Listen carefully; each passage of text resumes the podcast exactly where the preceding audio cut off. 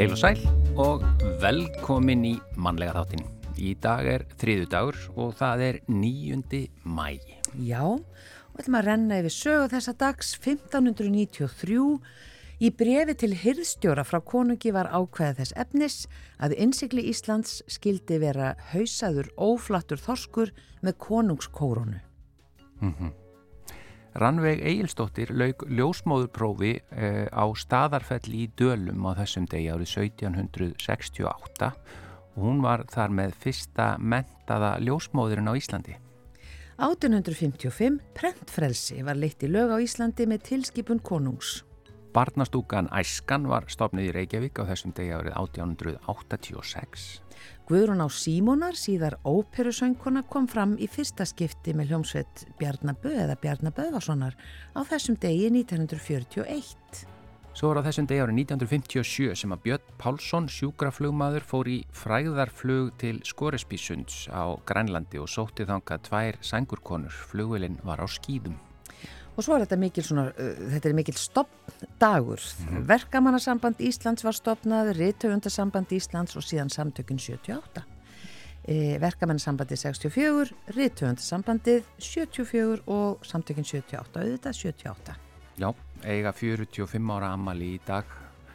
Uh, Norræn ráðstefna, þar að segja yfir í efni þáttanins í dag. Norræn ráðstefna verður haldin hér á landi á 50 dag og förstu dag um skýra framsetningu á máli og málnótkun þegar vá stæðjar að. Þar að segja á ráðstefninni verður uh, undistrykka mikilvægi þess að framsetning og málnótkun sé skýr og auðskiljanleg þegar stjórnvöldstofnanir, samtök eða fyrirtæki þurfa að koma á framfæri brínum upplýsingum sem varða almenning.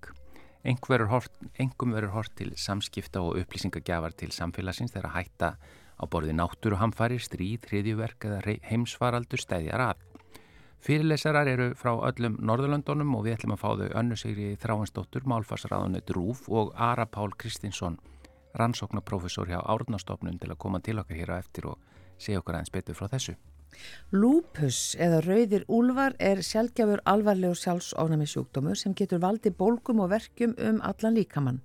Hann veldur því að ónamiskerfi sem venjulega berst við síkingar snýst gegn eigin frumum, vefjum og lífærum. Og þessi sjúkdómur er algengastur meðal kvenna, 90% þeirra sem fá lúpus eru konur og enn sem komið er er hann ólæknandi En hins vegar er gríðarlega mikilvægt að sjúkdómurinn sé greindur snemma því fyrir sem hann greinist því minni skada veldur hann og á morgun er árlegur alþjóðlegur dag og lúpus og við ætlum aðeins að heyra meira um þennan sjúkdóm. Hrönn Stefansdóttir er formað lúpushóps Giktarfélags Íslands og kemur til okkur eftir og segir okkur frá svona bara sinni eigin þrautagöngu í gegnum heilbriðiskerfið. Já, svo er það veðurspjalli með Elinu Björk Jónasdóttur, uh, hún kemur til okkur allar að fræða okkur meðal annars í dag um sólfarsvinda, hafgólu og landgólu. En við byrjum á hjálmum og lag sem heitir Þámun vorið vaksa, við erum ennþá í þessum voru fíling, svo ég sletti nú bara.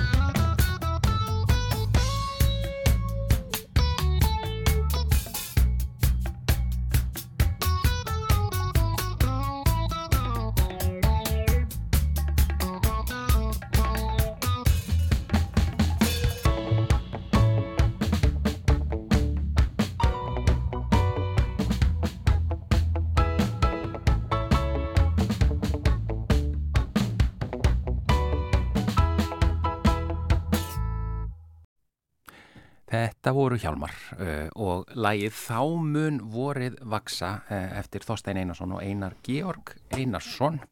En við ætlum að fjalla næstu mínútur aðeins um það að vera, hvað ég var að segja, skýr í orðavali og framsetningu uh, því að Norræn ráðstefna bara ein, einmitt um það verður haldin hér á 15. og 1. dag af Árnastofnun, Ríkisútvarpinu og Stjórnaráðinu. Stjórnaráðinu. Já, eða stjórnaráðinu tekur þátt í og styrkir þessa ráðstöfnu. Já, þetta er semst Anna Sýriður Þráinsdóttir, málfarsránundur Rú, velkomin í þáttin og Ari Pál Kristinsson, rannsóknarprofessor hjá Árnastofnun er komin hinga með. Hva, hvað er að fara fara fram þarna á þessari ráðstöfnu? Við þessi ráðstefna er hluti ráðstefnuráðar, norrætnar ráðstefnuráðar sem hófst 1998 í Svíðtjóð og viðfangsefnið er í meginadriðum uh, það sem kallað er á skandinavískum málum klarsprók eða klarsprók, það er í því fælst að koma skilabóðum skýrt og, og skilmerkilega á framfæri og í þessu samhengir enganlega átt við uh, upplýsingar frá stjórnvöldum, stofnunum, fyrirtækjum og öðrum slíkum aðilum til alls almennings, þannig að við erum að tala hér til dæmis um, um um upplýsingar á umbúðum, við erum að tala um tilkynningar um, um hérna, hvernig fólk á að fyll út skattframtali sitt, við erum að tala um, um lög og reglur sem varða borgarana, að það far ekkert á milli mála, hvaða réttind og skildur borgararnir hafa, við erum að tala um merkingar á livjuumbúðum, ymsar slíkar, íms, eh, vettvang fyrir upplýsingar þar sem að mikilvægi skýra ótvíraðir að skilabóða er, er, er óumdeilt og, og mjög, mjög hérna, verðmætt og til þess eru ákveðna leiðir og, og það er þessi rástefna, þessi rástefnröð fjallar um það en og svo veljum við mismunandi meginadrið til að fjallum E, hverju, hverju sinni og að þessu sinni þá höfum við í ljósi e, atbyrða undanvarina ára valið e, þá er ég að vísa til, til hérna koronaviru faratursins mm. þá höfum við valið skila, skýr og skilmerkileg málnótkund þegar vá eða hætta stæðjar að og þarf að koma upplýsingum skýrt og skilmerkilega og oft rætt á framfæri við og, og ekki þá bara í samband við, við, við farsóttir og slikt og bólusetningar og allt þetta heldur jáfnframt og þá sérstaklega á landi eins og Íslandi jarðskjáltar, eldgós, uh, flóð og, slíkt. Já, við, við svona aðstæðir þá auðvitað hlýtur að vera mjög mikilvægt að hlutinni séu orðaðir skýrt. Er þetta, snýr þetta að bara Eh, orða vali, eh, orða nótkun, hugtakarnótkun jafnvel eh, eða hvað? Já, þetta, þetta snýstu auðvitað um það að, að það sé vera sko, að setja málið skýrt fram, ekki flækja hlutina óþarflega og svo líka einmitt eins og nefnir að nota skýr hugtök hugtök eiga þannig stundu til að vera svolítið snúin og flókin, mm. en það þarf einhvern veginn alltaf að setja og þess að við náttúrulega þekkjum það til dæmis þegar við vorum hérna í faraldrinum og fengum á daglegum upplýsingafundum fyrirmæli og leifbenningar frá þrý eikinu þá, þá örðu þær að vera auðvitað á uh, þannig framsettar að það dildist engum hver merking þeirra væri Já, þannig að er rauninni sama... almenningur skilji Já, Já. einmitt og, þetta, og það er verið að koma upplýsingum á framfæri við almenning Já. og almenningur þarf að geta unnið úr þessum upplýsingum, geta meðtekið þær og, og, og nýtt sér þær Já. og það sama gerist eins og Ari Páll nefndi uh, þegar að við náttúrulega búum við ímsar hamfarir, hér hafa orðið örskriður og snjófallið og svo eru eldgós og jarskjaldar tíðir og það þarf alltaf að vera að upplýsa uh, upplýsa lands menn um það hvað, uh, hvernig að bregðast við. Já. og hvað, hef, hvað hefur gerst og svo framvegis. Og þetta þarf alltaf að vera á skýrum og skýru upplýsingum máli, skýru máli og auðskiljanlegu. Og þetta snertir til dæmis fréttaflutning líka. Og þess vegna skiptir þetta máli líka fyrir fjölmiðla. Já, þú, auðvitað, þú verandi hér málfarsaránundur rúf þetta lítur að vera bara þá talsverður hluti af þínu starfi að texti sé skýr eða, eða allt sé skýrt sem frá eh, okkur kemur. Oft er það þannig og eitt af því sem við málfarsákjáðinni gerum hér er, er ekki bara að lesa texta yfir með tillit til að skorta þessu réttir og rán, eða rán, já, réttir röngu uh, rétt orðaðir eða með, með á vönduðu góðumáli heldur líka að það sé að þessu skiljanleir. Já, já, er, og er þetta þá væntalega líka uh, þannig að það sé ekkert uh, í tekstanum sem sé opið til tólkunar, að þessu það skýrir?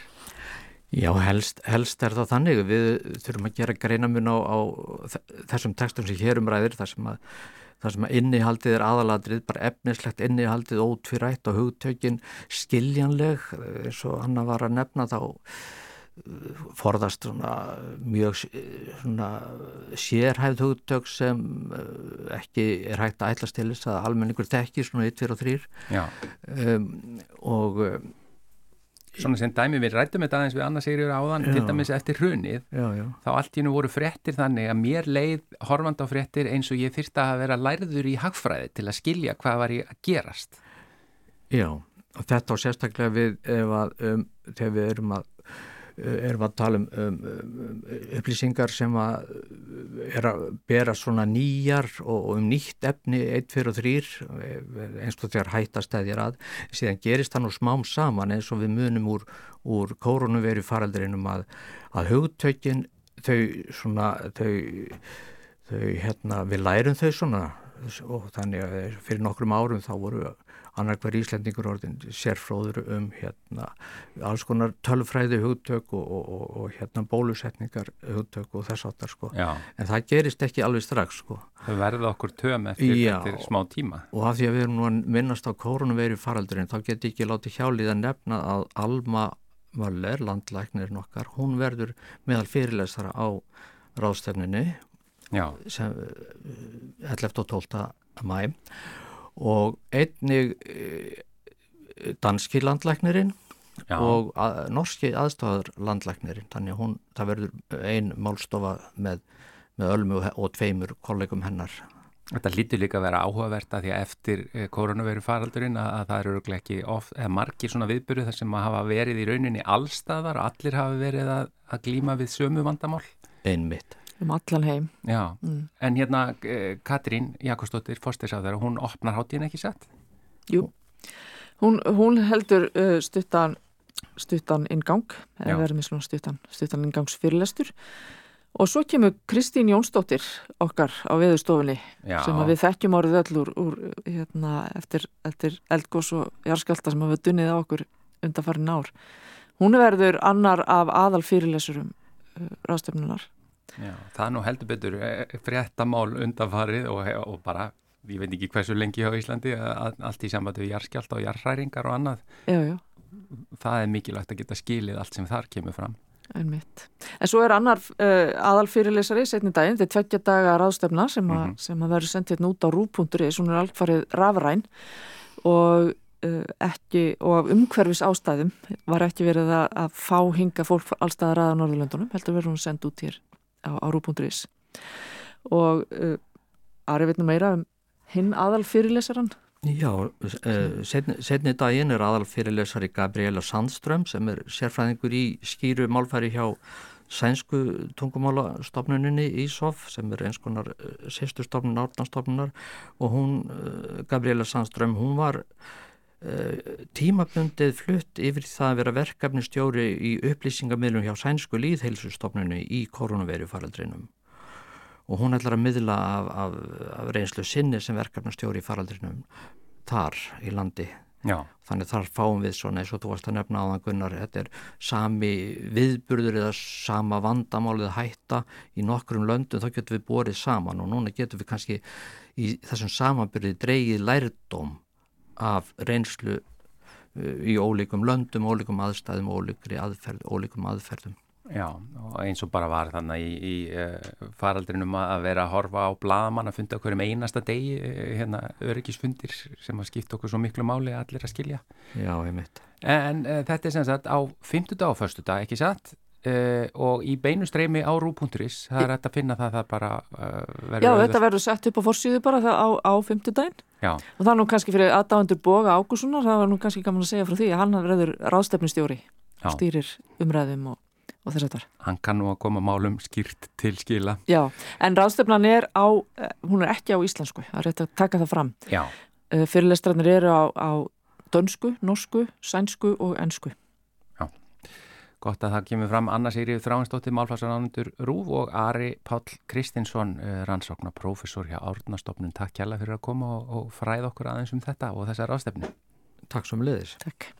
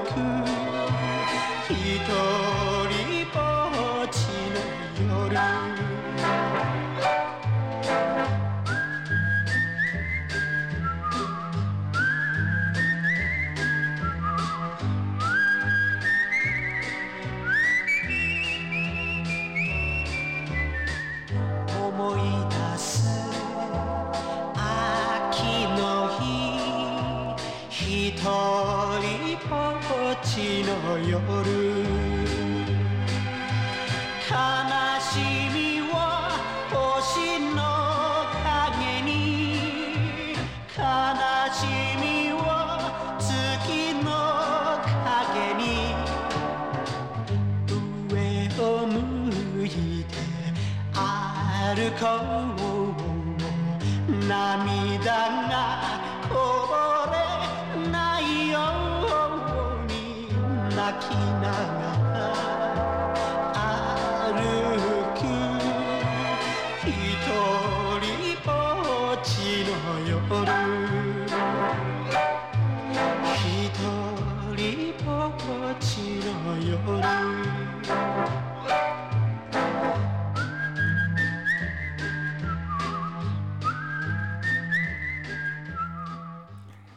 Þetta er lagi Sukiyaki uh, með Kiyu Sakamoto. Lúpus eða rauðir úlvar er sjálfgefur alvarlegur sjálfsofnami sjúkdómu sem getur valdið bólgum og verkjum um allan líkamann. Hann veldur því að ónæmiskerfi sem venjulega best við síkingar snýst gegn eigin frumum, vefjum og lífærum. Og lúpus er algengastur meðal kvenna eða um 90% þeirra sem fá lúpus eru konur og eh, á morgun er árlegur alþjóðlegu dagur lúpus eða rauðra úlfa eins og hann heitir á íslensku. Og það er verið að halda þennan dag í 20. sinn í, í ár. Og áherslan er lögða þekkingu og aukna þekkingu og meðvitund á þessum sjúkdómi. En með því þá er hægt að bjarga mannslifim því fyrr sem hann greinist því betra. Og Hrönn Stefánsdóttir er formað Lúpushóp skiptarfélags Íslands og hún er komin ykkar til okkar velkomin. Takk að fyrir. Eh, segð okkur bara frá uh, svona, já, einkennum. Þú ert sjálf með þennan sjúkdóm og, og uh, já, ert deila vissum að þú hafið svona fyrst uh, orðið vörfiðan hvað 11 ára gömul. Já, hjá mér þá byrjaði, byrjaði enginninni því að ég var alltaf með mjög mikla verki í njám og liðum og þegar ég var í skóla átti mjög erfið með að skrifa og var alltaf illt í höndunum. Og, og eins og er gengur oft hjá börnum að það var bara sagt við mig já það fá allir, verða allir þreyttur í höndan þegar skrifa. Og hættu við bara þessu vesen, það er ekki það engi, engi með verki. Og ef ég fór til lækna, eða sem fóröldrum með fórum með mig til lækna þá var bara sagt þetta er bara vakstaverkir og fóröldrum með bara hlustu á það að þeir lækna náttúrulega hljóta að hafa rétt fyrir sér. Og þannig gekk það þar til ég var svona um tvítugt og þá fór ég svona að hugsa þegar læknarnir fór að segja að ég væri með vakstaferki að ég hef nú ekki stakka sem að 13 ára. Og þetta væri nú ekki alveg svona að passa fyrir mig. Og þá var farið að segja þú ert nú að byrja í háskólanum og þú er nú, þú veist, það er vast að klára stúdurpró og er því bara stress? Og það er það sem margar konur lenda í að það er alltaf skrifað á stress. Og það er bara sagt, þú verður að slaka á í húsverkunum og ekki verið svona stressuð þá veist það sé smá drasl og það er ekkit en maður er aldrei spurður. Ertu stressuð út af draslinu, ertu að hugsa um það? Og þannig að, að margar konur lenda í því að vera veikar jáfnveil áratugum saman. Eins og gerist í mínu tilfelli af því að ég greinist ekki fyrir því 37 ára. 37 ára? Já. Þannig að þú upplifir að það var ekki hlustað? Nei. Bara aldrei? Aldrei hlustað og ég var og ég var mjög alvarlega veik kannski frá því ég var 25 en, en það sem er flækir málinn fyrir fólk með lúpus er að sjúkdómurinn er með breytilur með einstaklinga. Og hann getur lagst á all kerfi líkamans, hann getur lagst á húð taugakerfi innri lífari og, og svo náttúrulega liðamót. Og, og yfirleitt eru bara enginn á kannski einum að tveimur stöðum í einu, svo færastu og þegar fólk kemur til læknis og segir ég er með rosalega verki í njánum og svo kemur það eftir eftir einhverju mánuði og segir ég með alveg ræðulega brjóstark að þá hugsa læknar eins og að sagt um mig það er engin með verki bara hér og þar og allstar ef þú er svolist þá er það taugarnar. En það sem, að, sem betur fyrir fleiri og fleiri læknar er að læra er að ef að fólk er með enginni sem að meika engansans það eru mjög mikla líkur að sé lúps. Þegar ég hósta fyrir kjöktafélaginu fyrir tíu árum með lúpshópin að þá voru að koma konur á fundið venðans að þetta eru viljett konur sem voru að segja að það hefur verið mikið veikar jafnvel 20 ár, bara svona svipa, svipa sögu ég. En sem betur fer að þá heyrir maður alltaf færri og færri sögur sem eru þannig. Já. Í dag er þetta yfirleitt fólk sem greinist eftir mjög stuttan tíma en þetta er samt að meðatala fimm ár ennþá. Og því fyrr sem hann greinist, því fyrr uh, kemst maður á rétt líf eða hvað? Já. Hvað er það, hver er lækningin eða sem, sem sagt, hvernig er svo haldið niðri? Sko það sem gerist hjá flestu fólki sem að greinist ekki, að yfirleitt þá fer fólk til lækna, læknar horfa þröngt að sína sér grein og fólk var alls konar greiningar og þá er það alls konar livjum, þá við alls konar sjúkdómi sem er þá náttúrulega raunin að vera að meðhandla enginni. Þannig að fólk var kannski flogaveiki lifið taugaenginunum sem geta verið skjálti þú svona svona, við, svona vitranna tröflanir svona að maður sér, þú veist, sér missýnir eða, eða sjóntröflanir eða eitthvað svo leiðis eða dettur eða eitthvað fætur næ eða þá fólk er með einhver svona verki frá lífærum eða, eða útbrott og þá farið kannski lifið þessu allir, það var kannski komið fullt lifjabóks og kannski tíu greiningar. Og ég var með alveg fullt af alls konar greiningum. Mm. og en þegar maður greinist þá fara flestir á, á lif sem er svona grunnlif sem öllum er gefið. Og það virkar ef það gefur snemma bara mjög vel. Fólk bara tekur lifið, tekur nokkra mánu að byrja að virka fullu að reyndar. En þegar það byrja að virka þá heldur það niður engjanum og kemur það fyrir köst og rannsóknir sína að bara örlítil prósenta þeirra sem að taka þetta ákveðna lif lendir ekki í því að fá þessi kost sem getur valdið alvarlegum veikindum og spítaleinlögn en þeir sem taka ekki þetta lif að þeir er að lenda í því að fá kost og þurfa að leita til bráðamótöku jafnvel fara inn í innlögn kannski í 80% tilvika einhver tíman á lífsleginni.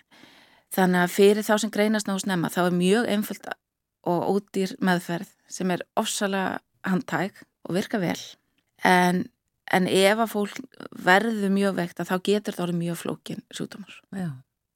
Hefur þú lendið því að ég verða mjög veik og lenda inn á spítala?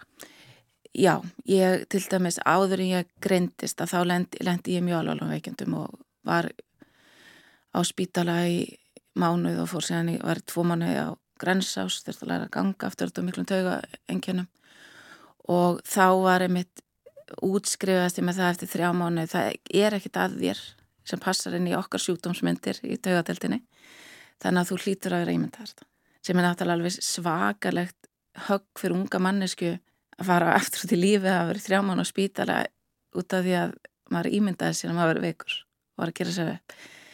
En stuttu setna þá greinist ég með sjúkdómin og þá fæ ég þetta lif og öll þessi enginn bara hverfa eins og takk fyrir sólu Já, og hver er það sem greinir því? Er það einhver sem þú hafðir aldrei farið til eða?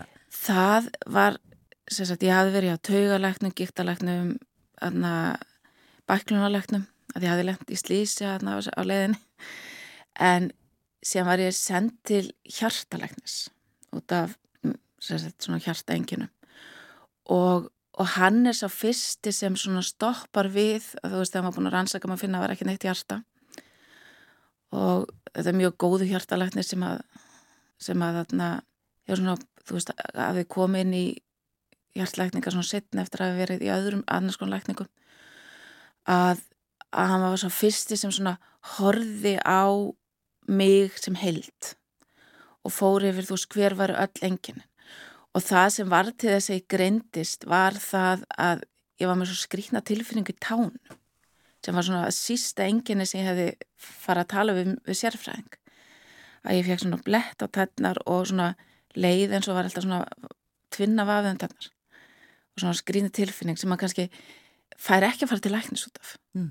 En það var það sem að, sem að sem sagt, breytti öllu og var til þess að, að ég var sendið í blóðpröfur, lúpus greinist í blóðpröfum og ég hafði, alltaf, ég hafði verið sendið blóðpröfu áður en það var á þröngt og, það, og þú veist, og prófaði fátt þannig að, að hann sendi mér svona blóðpröfu sem, sem að aðna, prófaði sagt, meira vefnum í blóðinu mm. og þá fannst þetta út og, og, í kjölfari lendi ég hjá alveg indislegum gíktalæknir með Gergröndal og hún bara tók þetta alveg bara rosalega fyrstum tökum og bara rauninu bjargaði lífið minn mm. Þannig að líf þetta er eh, já, allt annað í dag en það var. Já. Greinilega. Og ég myndi segja að það besta sem þú hefur komið fyrir mig í lífinu var að fá greiningu. Að því oft segir fólk við mann þegar maður fá greiningu og ég er svo leið að heyra þetta. Ég voru skjóðum svo mikið. En það besta sem kemur fyrir mann að maður er með sjúkdóm er að fá greiningu. Og þannig að það er ekki eitthvað sem fólk á að óttast eða forðast eða sleppa að fara til lækna. Mm. Vegna þess að það versta sem er til er að vera veikur og jafnvel að að, að vera fann að trúa því sem að maður sé kannski hreinlega bara að ímynda sér það og, og að lifa vennjulegu líf og þurfa ekki að vera alltaf með lífið undirlagt af verkjum og áhugjum af því, þú veist, áhuga eftir að komast á, þú veist, í vinnuna eða þetta stefnumóti eða hvað sem maður er að fara að gera?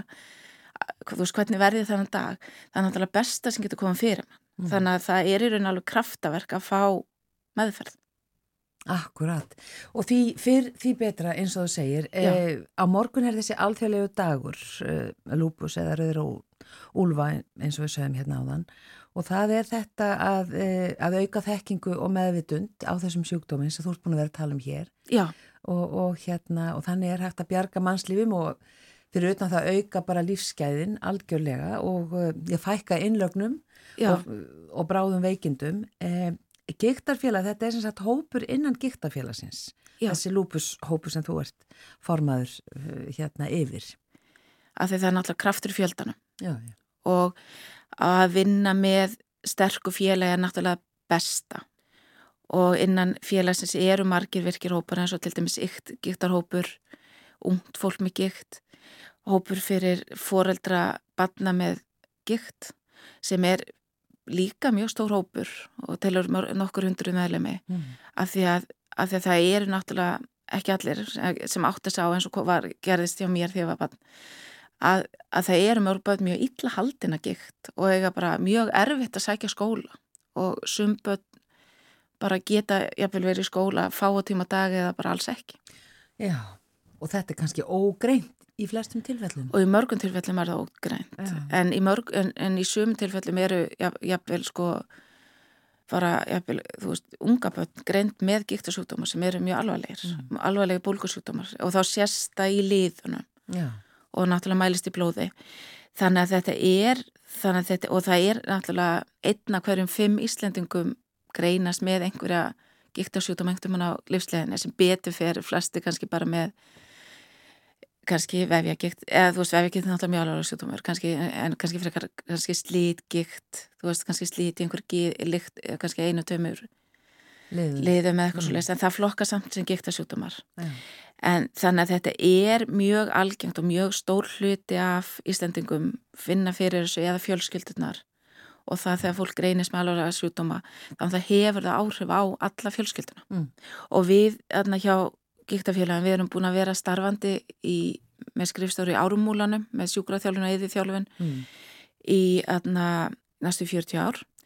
En við erum búin að selja húsnaði þar og við erum búin að kaupa nýtt húsnaði brekkhúsin eitt í grafavóðinu og þar ætlum við að breyta svolítið eðli starfseminar þar ætlum við verðum ekki með eins og mikla leikum í þjálfun og við verðum með áður en við verðum með, áfram með yðjuþjálfun og, og, og sjúkraþjálfun og erum með sérhafða sjúkraþjálfa í giktarmálum mm.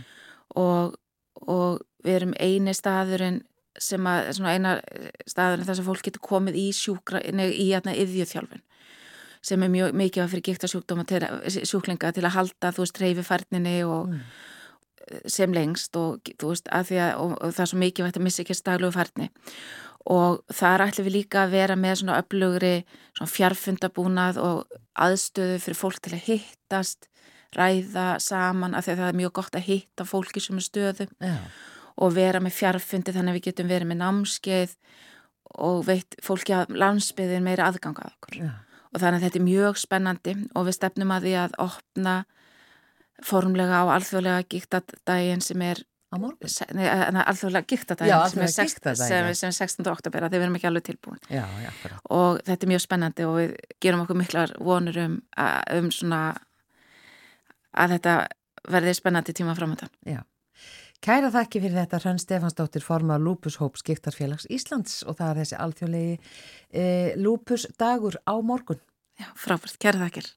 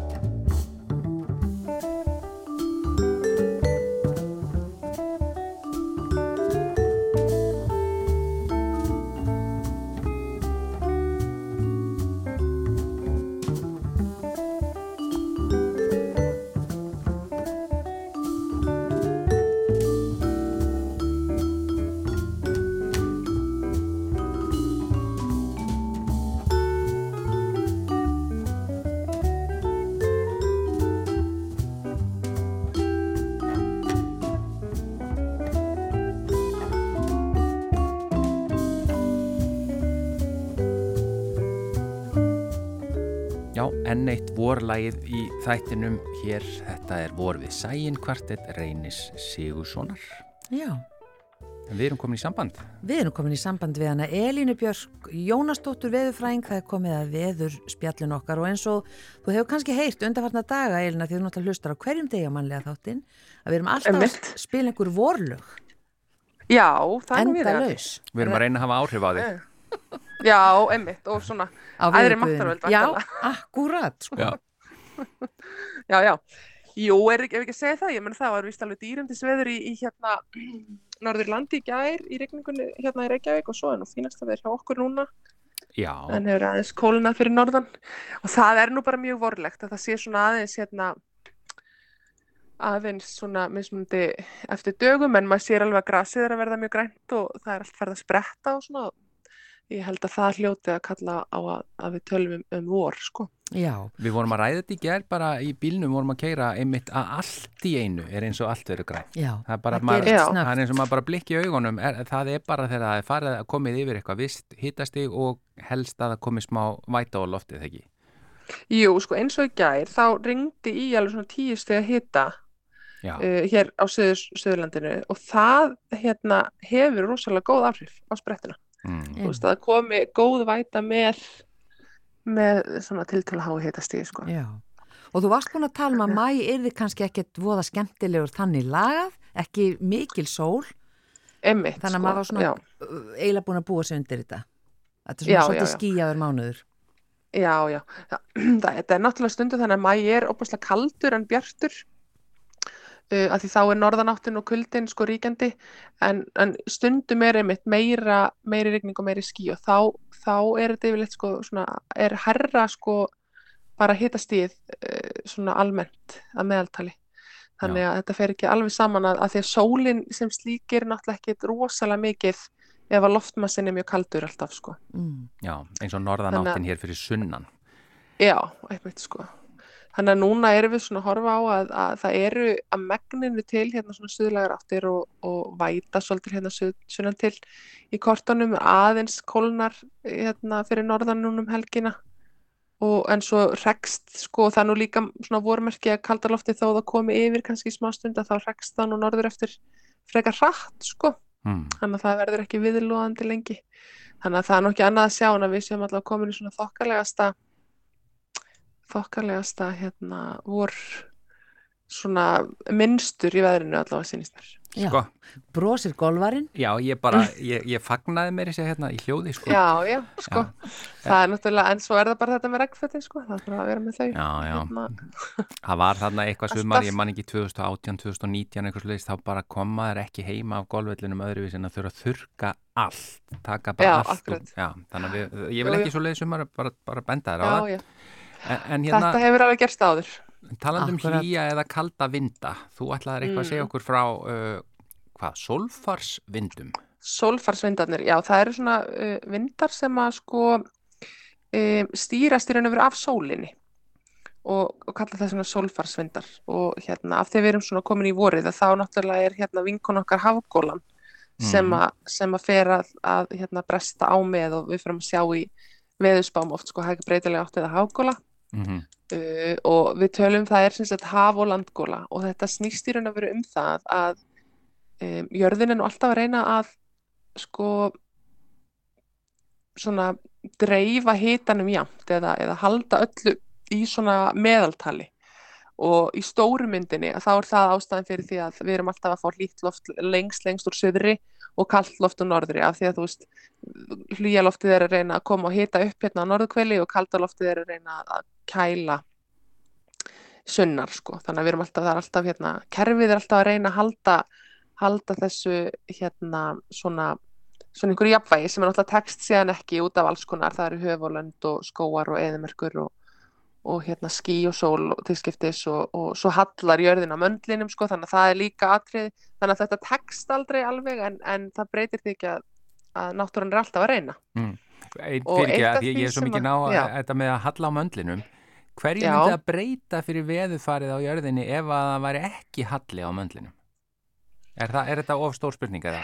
Já, þetta er svolítið stór spurning, en sko það væri auðvitað jafnari ingislun sólar þá alltaf, þú veist, þá væri alltaf bara jafnlangu dagur og við værim ekki með, þú veist, hérna, mm, suma, bjartar sumarnætur og, og, Já, og hérna, já. dimmar, dimma daga á veturna, sko, okay. sem að myndi þá hafa áhrif á, á hitastíð Já, líka. já, En hérna, en, en sagt, þetta er svona stóra myndin, stóru kerfin, sunnanáttin og norðanáttin, sko, mm En síðan er hérna minnikerfi eða svona dægurkerfin, það eru þessi sólfarsvindar. Það er þegar bara maður vaknar á mótnana og það er glampandi sól og, og hérna og, og síðan skyndilega fer svona kula af hafi, sko, það kemur svona innlögn, þetta er mjög þekkt að tala um innlögn á, á Norðurlandi og fyrir austan held ég líka. Mm. Og á svo Austurlandi þá oft hérna er berða með þessir austfjörðaþókuna sem að sem að hérna dregst inn af, af sjónum. Og þá er nú ein, raun og veru einfaldlega svo að, að hérna, sólinn hitar bæði landið og sjóin en sjórin tekur við miklu meira meiri hita þannig að yfirborðið á sjónum hitnar hægar heldur en yfirborðið á landinu. Og þá upphefst þessi leikur að reyna að hérna að sko jafna hitan þá stígur hlýtt loft frá landinu og í staðin fyrir það loft þá kemur sem sagt kaldara loft af hafi og þetta verður bara svona ringra sem er í raun að veru gangandi á meðan uh, sem sagt sólin er hátt á lofti Mm. og svo eftir því sem hún nýgur sko að þá hérna mingar alltaf munurinn á hitanum á yfirborði sjávar og yfirborði landsins og hérna og þá dregur úr hafgólinni þannig að við sem erum alin upp í svona sjávarþorpum þekkjum þetta mjög vel að ætlaði maður að gera eitthvað í logni þá er eins gott að gera það annarkvæmst sent á kvöldin eða snemma á mótnana Já, einmitt. og öfuga sagt mekaníkin er í raun og veru landgólan um, og hún hérna fer þá sagt að, að hérna síga sko frá landi og út á haf þegar að, að hérna loftið kólnar hraðar yfir landinu heldur en yfir sjó að því aftur landið hlínar hraðar og kólnar hraðar en sjórin temprar alltaf Mm. þannig að þá er bara hinn hin, hérna ringrásin sem fer í ganga þá, þá reynir í raun að veru hérna loftið sem er yfir landi að fara yfir sjó til þess að, að jafna hitan þar sko. Er, er þetta, Þetta þá er- ástæðan fyrir því að það sé yfir, að það er yfirleitt bara meira rók við strend, strenduna, eða ströndina? Já, til dæmis. Það er náttúrulega líka bara því að oft er minna, sko, minni gróður og hrífi til þess að dempa, sko, hérna, dempa vindin. Mm. En á sumrin, á svona sumardögum þar sem alla jafna er til til að lengt, að þá getur hafgólan alveg verið frekar, sko, orðið að frekar miklum strekkingi, sko. Og svona eðilagt svolítið fyrir manni að maður ætlaði að vera í, hérna, lautarferð einhverstaðar í fjöru, sko. Já. Ég meðan talað um strekkingur eða góla, því við höfum oft talað um hugtökin.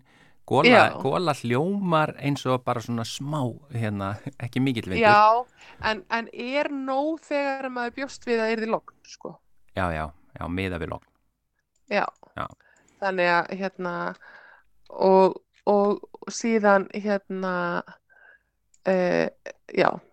Já. Þannig að góla er alveg sko, það er logni 0 sem sagt, svo Mhm. er andvari, það er svona upp í 1,5 metra, svo er kul, það er upp í 3,3 metra og svo kemur góla. Já, Gólan er sko merkilegt. 3,5 upp í 5,5. Já, maður þarf vel að fara. Breiðir úr, breiðir úr léttum flöggum og lauf og smágreinar titra. Já. Það er lýsingin á gólu. Þetta maður þarf eiginlega að rifja þetta upp bara aftur og aftur þessi hugtök Já. af því að í mínum huga hefði, hefði, ég hefði haldið að gólan væri nær logninu sko. já, bara næsta við. Einmitt sko, já, já. Já, þetta er alltaf jægt merkilegt þegar maður, þegar maður hugsa um það og ég kemst alltaf betur og betur að því hvað þetta eru góð hljómsveitarnöfn og, og svona plötunöfn, það góla, það logn, ég veit að það er örgla til eh, sko plötu heiti logn, alveg, já, já og Sólfarsvindar. Einhver jazzplata sem heitir logn ég bara, ég man ekki alveg var. Hljómsveit sem geti heita Sólfarsvindar sko, ég væri til í að vera í henni. já, Já. er ekki hljómsveit sem heitir Sólfar Sólfar, já, það er allan að það minnir mig, eitthvað þungarokksveit Já, ok. já, en það er allavega, þetta er hérna djúpur brunnur já. Já, já. þessi, Það þessi fallegu- Fanga sko. já, Bræla, er það bara notað sem sagt út á sjó? Já, Já, það, það er svona eh, mikið veður á sjó. Ja, hvað, fylgir það bara, eh, er það, tengist það þá ölduhæði eða eitthvað slíkt? Eða, já, ég held að sé sko ölduhæð og, og vindur og í raun og veru þú getur ekki sett út veiðafæri eða gert neitt sko. Ef það er bræla? Já, held ég, en Já. ég verða að viðkjanna nú, en nú rekur mig aðeins í vörðunar sko. Því í mínum huga hljómar þetta alltaf eins og sé bróslega vond líkt. Það, mér finnst Já, bræ, orðið bræla að gefa það til sko. kynna, sko. En það er greinilega ekki rétt. Nei, einmitt, alltaf þegar ég var á skútunni þá er þetta svona, þarna að tala um að þetta væri nú, þá, það er leiðinlegt sko að það er bræla. Já, já, Það, getur maður ekkert gert sko. Nei. já. En takk fyrir þetta Elin Björk Jónasdóttir og við heyrumst aftur uh, næsta þriðjudag. Já, takk sem leiðis. Og þá ætlar að segja okkur frá um, einstökum hlýjendum. sem Já, er það ekki? Jú, sem hérna- verða, að- verða í kortunum það. það. Já, takk, Já. takk fyrir. Gott að geta panta Ok. þetta og svona. Já, Já. takk fyrir Elin. Heyrumst. Já, bless. Bless. Já, þetta var bara uh, gólan, uh, hafgólan, landgólan og sólfarsvindar. Þetta er, en þetta er alveg rétt, þetta er svo oft þessi hugtök, veður hugtök, þetta eru bara hljómsveitarnöfn. Já. mörgaðum eru bara mjög góð sko. Já. Já. en til dæmis að ég elska logg en ég er ekki vissum ég myndi skýra hljómsveitinu mína logg það hljómar ekki droslega spennandi hljómsveit ég skilji, og allavega ekki bræla Nei, Nei. jú, kannski samt sko. Er það? Já, já. Mér finnst það pínu spennandi Hljóm, það, veist, það verður að vera eitthvað bit í nafninu sko, á hljómsveit sko. vondlíkt, það er nú alveg bara heila að segja sér sjálf Já, já, fíla já, ef þetta kalla hljómsveit, nei, ég segi nú svona Heyrðu góða Já, já, Heyrðu, við skulum hugsa um þetta, en Já. bara takk fyrir eh, í dag, kæru hlustendur verður mér aftur á morgun verið sæl